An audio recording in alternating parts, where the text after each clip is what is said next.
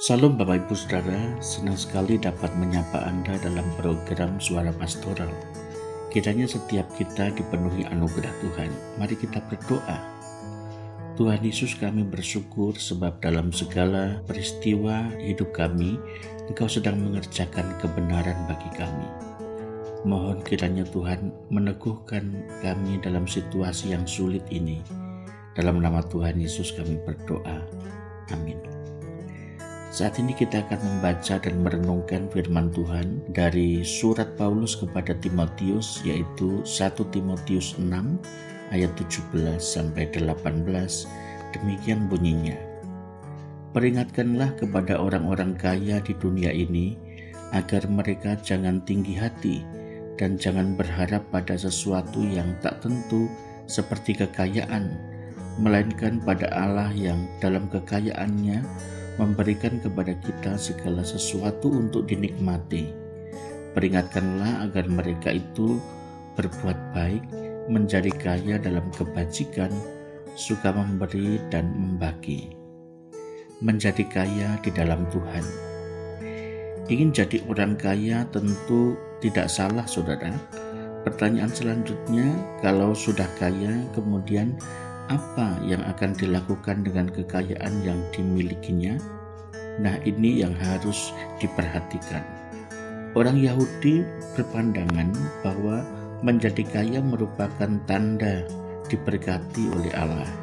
Sebaliknya, kemiskinan juga adalah tanda dari ketidaksetiaan dari pihak orang yang bersangkutan dan ketidaksenangan dari pihak Allah.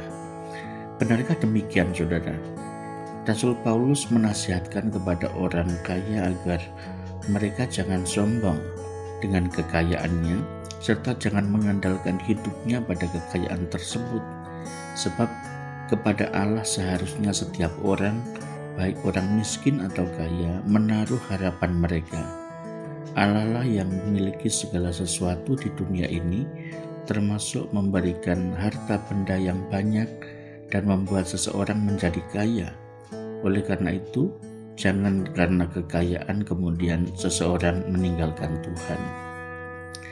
Bahkan Tuhan Yesus pernah memperingatkan agar orang berhati-hati terhadap harta benda kekayaan, karena sering kali kekayaan duniawi menghalangi seseorang untuk memperoleh keselamatan. Kekayaan memiliki peran besar bagi seseorang untuk menolak keselamatan karena kekayaan memberi rasa kenyamanan yang palsu serta menuntut kesetiaan penuh hati dari manusia.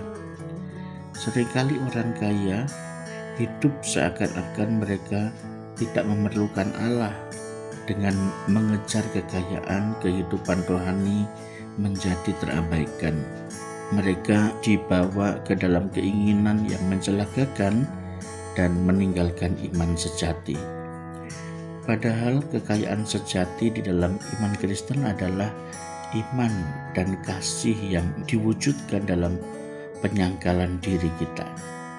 Tidak boleh berpegang erat terhadap kekayaan sebagai jaminan pribadi, tetapi harus menyerahkan kekayaan kepada Tuhan Orang Kristen harus setia mengelola kekayaan untuk memuliakan namanya, bukan untuk kesenangan pribadi.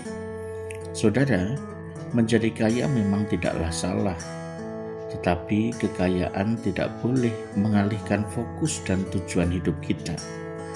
Kekayaan harus dikelola dengan setia. Muliakanlah Allah dengan harta yang kita punya, jangan serakah dan mengukur segala sesuatunya dengan materi. Doa saya untuk kita sekalian. Tuhan Yesus, jagalah hati kami ketika Engkau mempercayakan harta kepada kami, supaya hati kami tidak melekat kepada harta, melainkan tetap melekat kepadamu. Jika kami Engkau percayakan harta, kiranya Engkau izinkan kami memuliakan Engkau melaluinya. Dalam nama Tuhan Yesus kami memohon. Amin.